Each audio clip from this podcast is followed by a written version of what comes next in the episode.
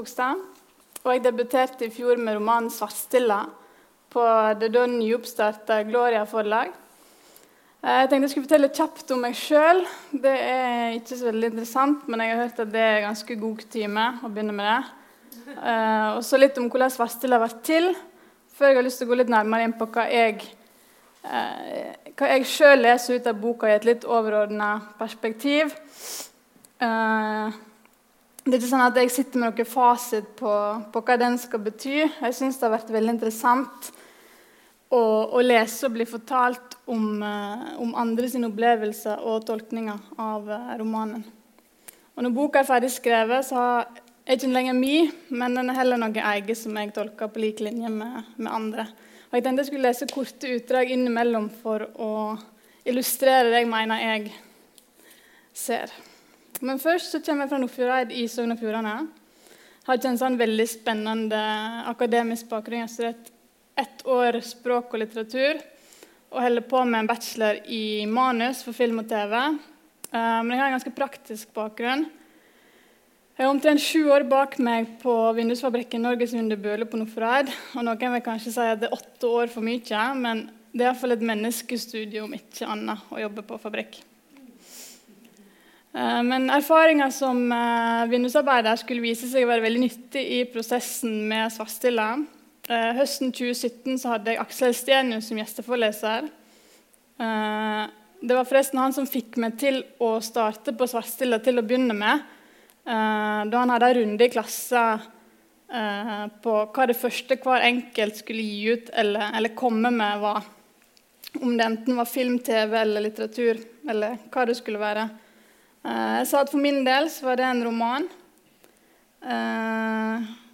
Og han spurte hvor lenge jeg hadde drevet og skrevet på den romanen. da. Så jeg sa nei, kanskje fem-seks år pluss minus.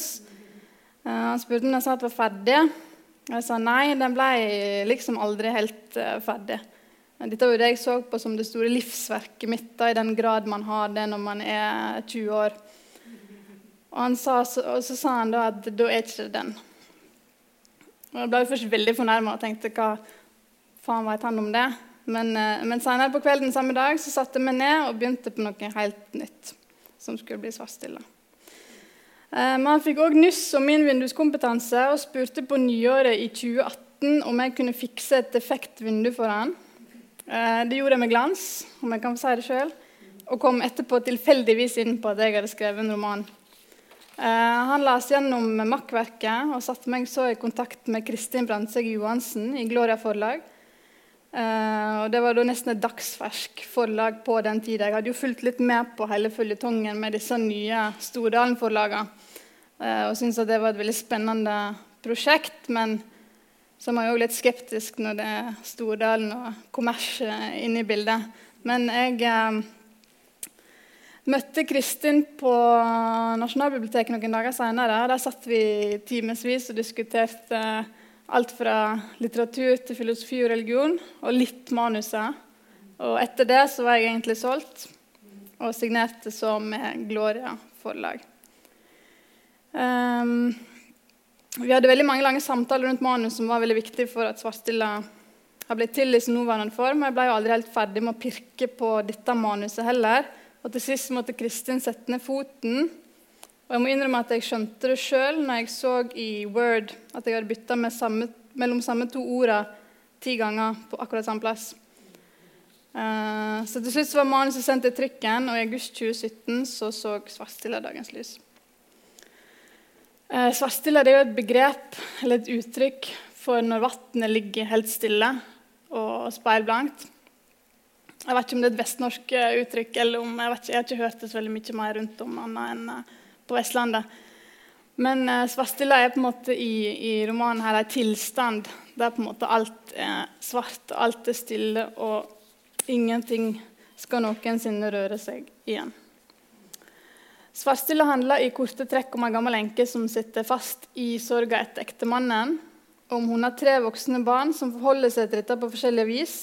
Eh, det er veldig lite ytre beskrivelser i romanen, ikke noen inngående beskrivelser eller beskrivelser av omgivelser eller plasseringer, så vidt meg bekjent. Eller det burde jeg vite. Men eh, jeg har en tante som er fra Svelgen, som i Sunnfjorda som har bodd i Australia over 20 år nå. Hun las uh, Svartstilla. Hun sa til meg at hun oppdaga Vestlandet i teksten nesten med det samme. Hun kunne ikke helt forklare hva akkurat det var for noe, eller hvordan, men hun mente at det var noe i teksten som i essens var veldig vestlandsk. Så man kan tydeligvis ikke lyge fra seg Vestlandet i litteraturen heller. Uh, når jeg er inne på det, så kan jeg nevne at jeg uh, høsta en del kritikk fra forlaget over min manglende, eller angivelig manglende ytre entusiasme når jeg får gode nyheter.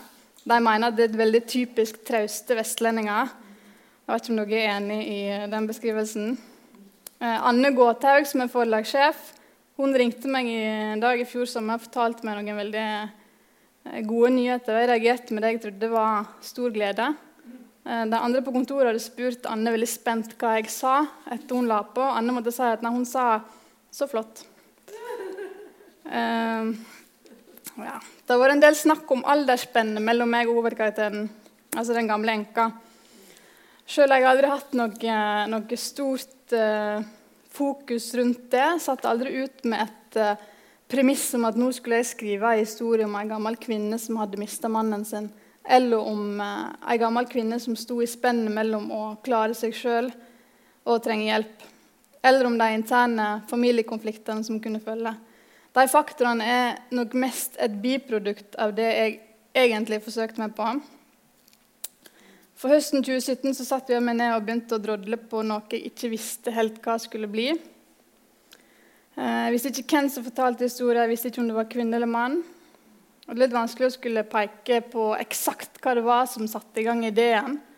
Eh, det var nok en slags tilstand jeg følte jeg så veldig klart, som jeg ville utforske eh, og forsøke å male fram. Og det er jo et ganske abstrakt konsept.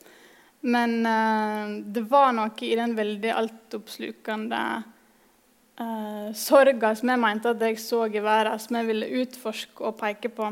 Jeg var nysgjerrig på om den kunne være noe mer om den kunne være symptomatisk for noe i samfunnet, for noe i vår tid. Uh, og Historien tok ganske fort form av denne gamle kvinna. Og hun gjorde det ganske tidlig klart at dette var hennes fortelling. Og da hadde jeg mer enn nok med å henge med. Og en skal som visst passe seg for å trosse gamle damer. Um, sist jeg var i Bergen, så var jeg på Litteraturhuset på debutanttripp. Uh, der det overordna temaet var tomrom. Uh, og jeg og enka i Svartstilla vi blir ikke helt enige om uh, akkurat hva et tomrom egentlig er. Hun uttrykker jo en veldig bastant formening om nettopp det i romanen, der hun konsekvent kaller tomrom for fravær. Og Implikasjonen i det er jo at det har vært et nærvær der.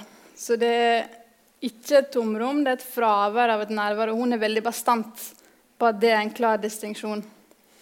Og Tanken bak det er vel at det skal man hedre, at det skal få stå urørt, og det skal man ikke fylle med noe nytt. Jeg skal lese et utdrag der hun proklamerer nettopp det. Og det er med hun og dattera Solveig som så vidt prøver å ymte frampå om hun ikke kunne tenke seg å flytte på heim.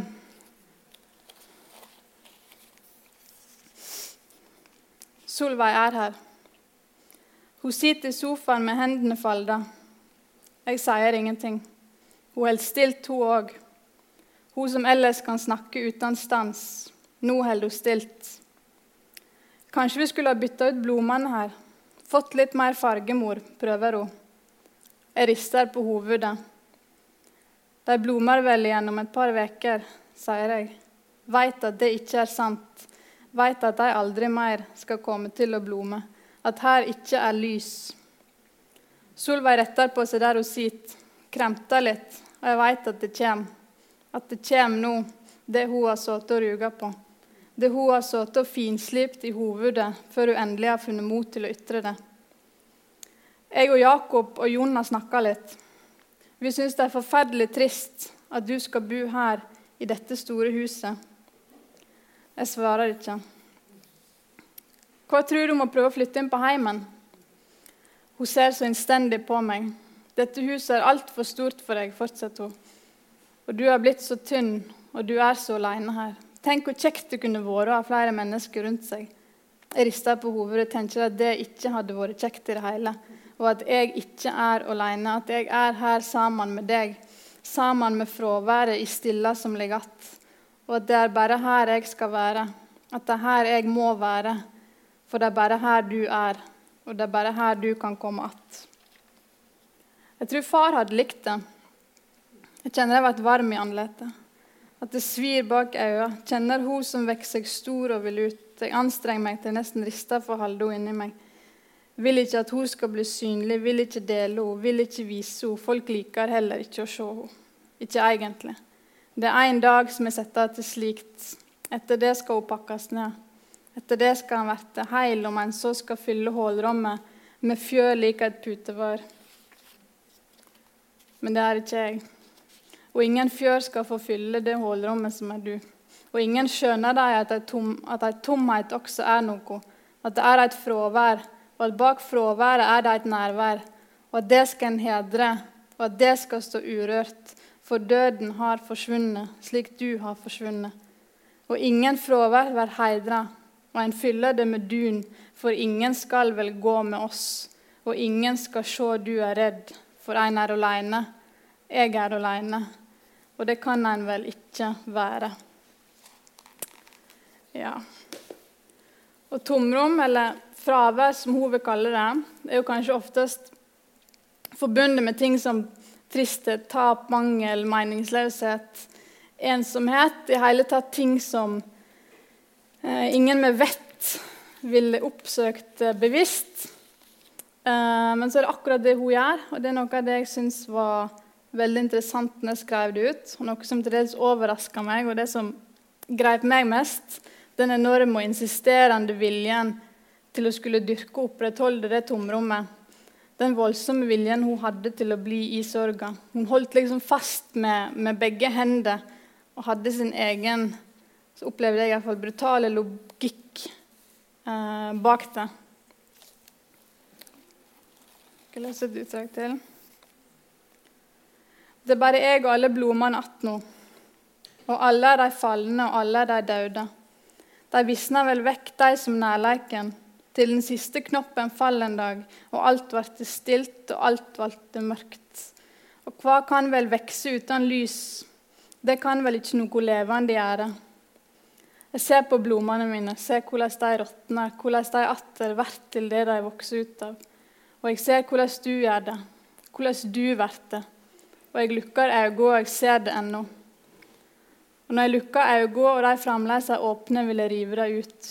Og jeg kjenner at jeg før ikke visste at det gikk an å dø fullstendig, slik jeg ikke visste at noe kunne være større enn evigheten. Men så gjorde du det, og så visste jeg det. Og vi kommer jo alle dit, enten vi svinner bort ligger blom, uten lys, og sultne er vi, eller blir røska opp av jorda, og lykkelige er de. Alle må vi jo dø en gang. Men å be noen om å dø to ganger, det er nådeløst. Som en vondskap som ikke fins i naturen, som ikke fins i det levende. Og jeg tenker at det ligger noe lyst i det. At det er noe å holde fast ved. Det som ikke fins. For hva annet skal vel jeg holde fast ved? Uh, jeg har tenkt i ettertid på akkurat hva det var for noe. Den veldige viljen uh, hun hadde til å skulle bli der det svarteste, der det stillest. Uh, jeg tror jeg har funnet det ut. Jeg skal lese et lite utdrag til. Og Jeg husker hvordan jeg før deg var øde og tom. Hvordan jeg før deg var i Egypt som bare var mørk. At det var stilt som når det ikke er røslig i vannet, men det ligger der helt i ro, helt i mørket, i det de kaller svartstilla. Og jeg var svartstilla. Jeg var i ho, og jeg var ho. Så kom du, og det ble lys. Lyset var godt, og jeg kaller det for deg. Mørket var vondt, og jeg kaller det for meg. Og vi var i hverandre slik dag er i natt, slik natt er i dag. Men lite visste jeg at vinteren var på vei, at dagen skulle verte borte, at den evige natta skulle ta over, og at jeg skulle sitte i ho, At jeg skulle kjenne fraværet av dagen, at jeg skulle kjenne fraværet av lyset, og at aldri skulle jeg gi slipp. Uh, fra bibelkyndig her så vil man kanskje kjenne en likhet til skapelsesberetninga. Uh, jeg tror det er en veldig god grunn for at hun beskriver forholdet til mannen eh, akkurat sånn. Og det skal jeg prøve meg på å forklare hvorfor jeg tror. Eh, det er bred enighet innen psykologien om at en kjensle av, av mening og formål er viktig for mennesket. Eh, østerrikske psykiateren Viktor Franker han gikk, langt, han gikk så langt som å si at det var den viktigste drivkrafta i mennesket. Eh, og at denne meninga, altså kjensla av formål, skulle ruste oss for å takle motgang i livet. Viktor Frankel han satt i Auschwitz under andre verdenskrig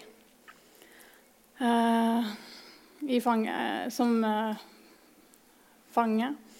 Og Der observerte han hvordan mennesker holdt ut under de mest forferdelige omstendigheter. Og En av observasjonene han gjorde seg, var at de individer som virka til å miste uh, følelsen av mening og formål, eh, de døde ganske fort. og det er et kjent sitat som Jeg husker ikke hvem som sa det, men uh, det var at en mann uten mening er neppe levedyktig. Uh, og for Victor og, så observerte han òg at de som hadde en veldig sånn, sterk fornemmelse av en mening og formål, de eh, klarte å heve seg over de grusomme omstendighetene i fangeleiren. Uh, og for Viktor Frankel sjøl var det tanken på kona som ga han mening, og som holdt han gående. Eh, og På dette tidspunktet så visste han ikke om hun levde eller om hun var død. Og Han observerte òg at det ikke nødvendigvis var viktig at det var tanken på hun og de to uh, var mening nok sjøl om hun skulle være død. Altså abstraksjonen i seg sjøl var nok. Uh, og Jeg skal lese nå et utdrag der eldstesønnen Jon prøver å få henne til å innse at hun må på gamlehjem. Litt annen framgangsmåte enn eh, Solveig. Du har snart ikke noe god valg, Vi har ikke tid til å springe att og frem som idioter for å holde ved like og stelle huset når du ikke klarer å holde liv i en eneste plante. Det er galskap at du skal sitte her med denne store eiendommen. Søstera ser skarpt på han. Ønsker at, ønsker at han skal dempe seg litt, men i det store og hele så vet jeg at hun er enig. Alle er enige, og ingen skjønner de noe. Ingen skjønner de at jeg sitter her i midten av alt, og at dette er den eneste staden der jeg kan være. Jeg kan ikke gå framover, for i framtida ser jeg ikke deg. Jeg kan bare sitte her og skåde bakover. Her, i dette huset, på denne staden, og jeg tenker at jeg er på staden der han venter, og at her skal jeg være, her skal jeg sitte, og ikke skal jeg røyve meg. Kanskje tar jeg feil. Kanskje er det jeg som ikke skjønner det. Kanskje er det meninga at jeg skal sparke fra bunnen, bryte overflata og kave meg opp på stranda. Finne veien gjennom alle mine skoger og daler og opp mine høye fjell. Og kanskje bare der finner jeg deg. Men jeg kommer meg aldri dit. Jeg stanser våt og dryppende ved vannkanten. Og der snur jeg meg og skåder utover alt som er svart og alt som er stilt, og tror du fins en stad i djupna, eller at du ikke fins i det hele. Så blir jeg værende på staden der alt håp skal fare. Eh, om vi ser den veldige viljen enka har til å bli i sorga i sammenheng med menneskets veldige vilje til mening, så kan vi kanskje trekke ei interessant linje der. Uh, I vårt samfunn så har vi i stor grad brutt med tidligere strukturer av overordna mening som vi har hatt gjennom, gjennom religion og mytologi i tusenvis av år. Uh, vitenskapen kom liksom og knetakla religionen fra venstre, og vi står igjen litt opplyste på ei side, men sjelig berøva eh, på en annen side. Og På et vis så kan man kanskje litt tullete si at vi er de første menneskene uten mål og mening. Uten den overordna meninga som religion har gitt oss. Og det er jo ikke rent lite. Det er jo en enorm stor greie. Og Problemet med det, slik jeg ser det, er at vi nå i stor grad er overlatt til å generere denne meninga sjøl. Eh, den tyske filosofen Friedrich Nietzsche han forutså jo i stor grad denne eksistensielle nihilismen som breier seg i samfunnet. altså at Tanken om at eksistensen er grunnleggende meningsløs.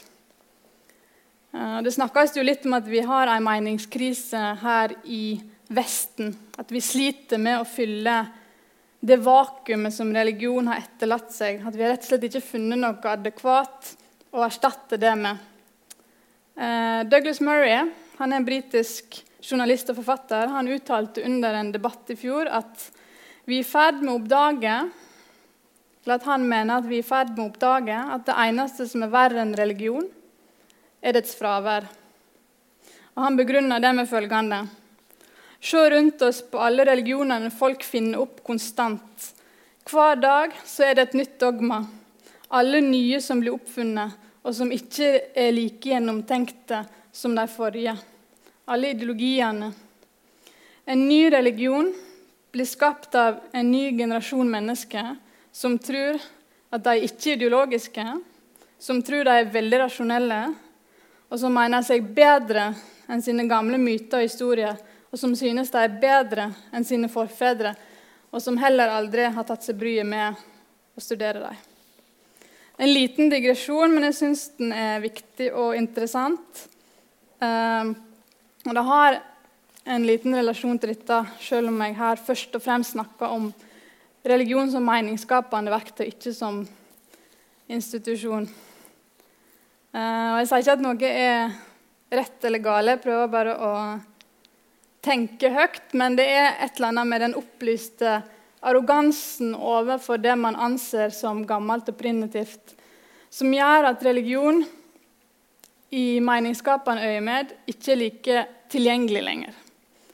Uh, og jeg tror noen har større behov en mer overordna mening med tilværelsen enn andre. Og da blir spørsmålet hvor skal de legge den når røyken etter gudene nesten ligger tjukt over oss fremdeles. Um, og Nietzsche igjen proklamerte jo som kjent i 1882 at uh, Gud er død. Uh, og uten den muligheten til å legge overordna mening rundt livet, så kanskje man ender opp med å legge den i det levende, kanskje i mannen sin. Eh, men det levende forvitrer jo, og hva da? Eh, jeg skal lese et utdrag fra enka sin indre monolog, der jeg mener at disse tingene skinner veldig gjennom, både i form av en liten tirade mot disse opplyste menneskene som mener seg heva over religion, og i form av en slags eksistensiell angst over en skjebne hun alltid har visst hun kom til å møte. Og Det er her jeg syns skillet mellom ektemannen og Gud blir utydelig. Eh, det er nesten som at de glir over i hverandre til tider. Jeg tror ikke de fleste mennesker tenker på alt som kan skje i løpet av en dag. Alt det vonde. Alle måter en kan skade seg på. Alle måter en kan dø på. De fleste setter seg ikke inn i en bil og tenker at 'nå kan jeg dø'. Man har ikke kapasitet til så mye uro. Ei heller nok forstand. Derfor tenker nok de fleste ikke overdriver på alt som kan hende. Jeg gjør det. Jeg gjorde det i alle fall før. Jeg gjør det kanskje ikke lenger. Jeg gjør nok ikke det. Bare da jeg sto i lyset, når det skein over meg, og jeg husker hvor redd jeg var for å miste det, for at det skulle bli mørkt, for at det skulle bli vinter, og for at det skulle bli stilt. For at jeg ikke skulle få være lenge nok i slik ei god vær, med slikt et godt lys. Og jeg tenker at mi vær ikke lenger er god, og at mi vær ikke lenger er lys. At det er andre som lever i ei vær som er god, og i ei vær som er lys, og at verden er den samme. Og jeg skjønner ikke hvordan hun kan være det. Jeg skjønner ikke hvor de finner lyset når sola er vekke. Kanskje vet de det ikke. Der de står og peker og ler av meg som leter etter vann der det bare finnes sand, som leter etter gress der det bare finnes stein. Kanskje vet de det ikke. At du er borte, og ingenting er att. At alle har vi lykter, og ingen har vi lys. Kanskje vet de ikke at sola aldri mer skal skine at skuggene også vil komme for dem. Og da skal jeg trygle, og da skal de be, og da skal jeg peke, og da skal jeg le. Nei, jeg har ikke lenger noe uro. Hva skulle vel jeg uroe meg for nå, når jeg ikke lenger uroer meg for å miste deg, for at du skal forsvinne, eller for at du skal gå fra meg, at vi ikke lenger skal gå sammen, at jeg må gå alene.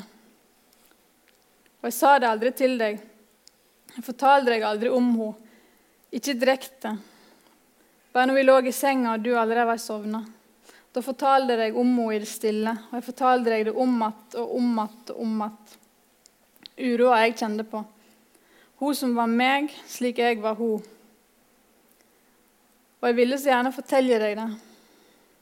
Og jeg så på deg, og jeg trygla deg om du bare kunne høre meg. Om du bare kunne høre alle ordene som flaut stilt rundt oss. Det var som hun ble så stakkarslig når jeg satte ord på henne. Og jeg visste at det ikke fantes ord hos mennesker som kunne yte henne rettferd. Og jeg var redd du ikke skulle kunne gripe om det. At du ikke skulle kunne forstå hva jeg sa. At du skulle se noe i meg som ikke skulle være der. At du ikke lenger ville dele kaffen din om morgenen med meg.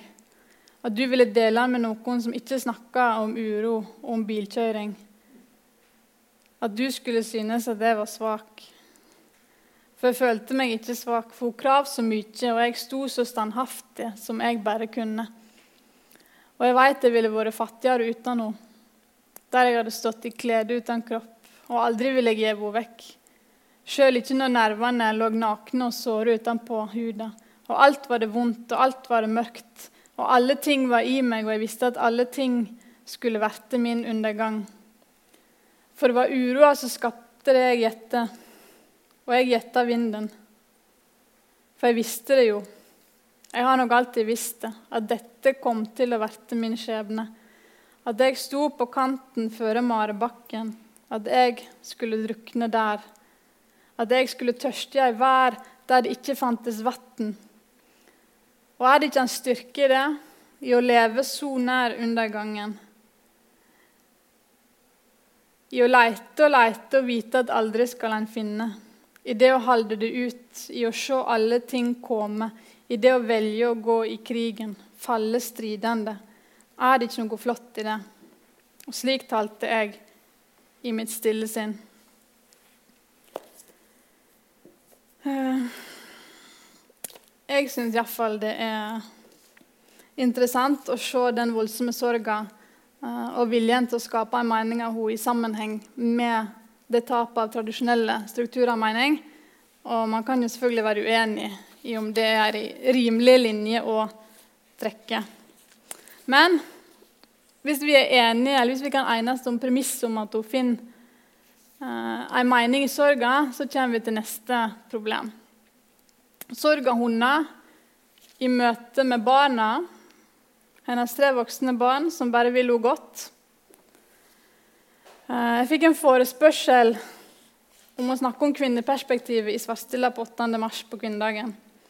Eh, noe jeg syns var interessant i seg sjøl, eh, tatt i betraktning denne gamle enka.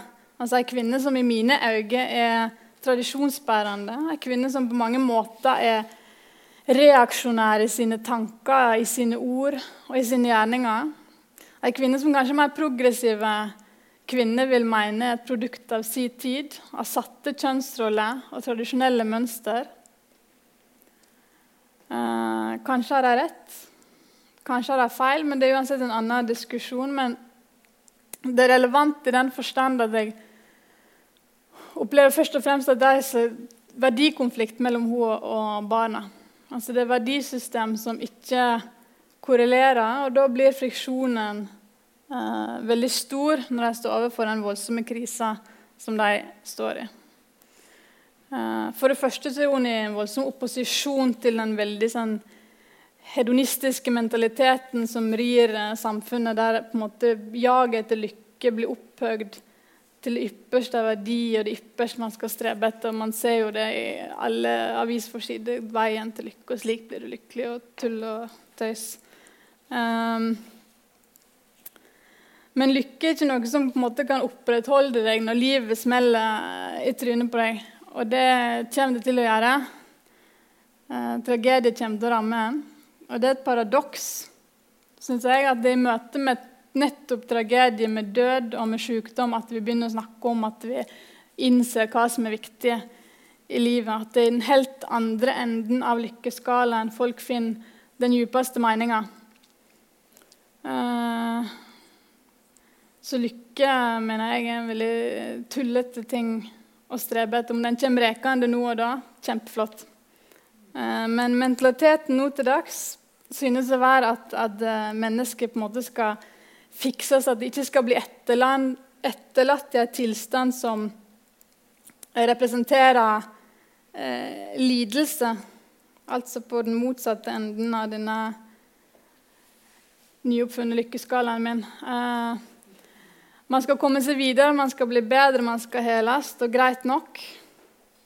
Alle skjønner at uh, ingen som uh, består, og se på at sine nærmeste har det vondt. Og hvis man kan hjelpe dem, så veldig fint. Men i tilfelle med svartstilla og på den andre side handler det kanskje om retten til eget liv, retten til å velge det mest meningsbærende for ens egen eksistens. Og i enka sitt tilfelle så opplever jeg at det er lidelsen. At det er tapet av ektemannen, av det de var.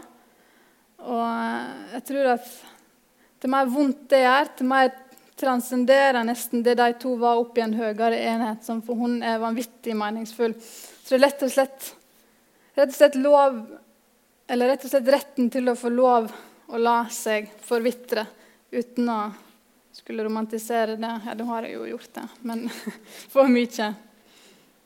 Eh, og til sist Kanskje kan man dra linje mellom tapet av mannen og tape av Gud. Kanskje kan man erstatte ektemannen med Gud og få omtrent den samme historien som et tankeeksperiment. Eh, og som jeg nevnte tidligere, så er vi i mye større grad overlatt til oss sjøl for å generere en følelse av mening og formål i livet. Eh, og når vi ikke lenger kan legge den over oss, og må legge den i det rundt oss, i det levende og det levende forvitra, så hva da? Og svartstille for meg er blitt et forsøk på ett av svarene på hva da. Eh, så vil jeg avslutte med å lese et siste utdrag, som er starten på kapittel to. Den indre monolog. Jeg har hørt at førsteinntrykk er viktig. At man aldri kan møte noen for første gang mer enn én gang. Det er vel derfor de sier det er viktig. Som om dette første møtet bærer i seg noe eget, som om det bærer i seg noe ingen av de andre gjør. Og jeg synes det er fjas. Jeg tror ikke på førsteinntrykk. Og jeg husker dem sjelden. Bare hvordan de har villeia meg, hvordan jeg har forbandt meg over det, hvordan det bare er det ytste løvet, at jeg ikke ser stammen. At jeg venter på at høsten skal komme, på at bladpryden skal falle. Jeg husker ikke første gang jeg så deg. Ikke første gang vi snakka sammen. Ikke hva vi snakka om, eller hva. Jeg husker ikke første gang jeg lo av noe du sa. Jeg husker ikke første gang jeg syntes at smilet ditt var flott. Jeg husker ikke første gang jeg ikke lenger klarte å se vekk når du tok det fram. Jeg husker bare at jeg ville stå nærere, at jeg ville stå i lyset, at jeg ville se deg smile, at jeg ville høre deg le. Hvordan jeg trengte deg i livet mitt, og hvordan jeg til sist måtte ha deg i det.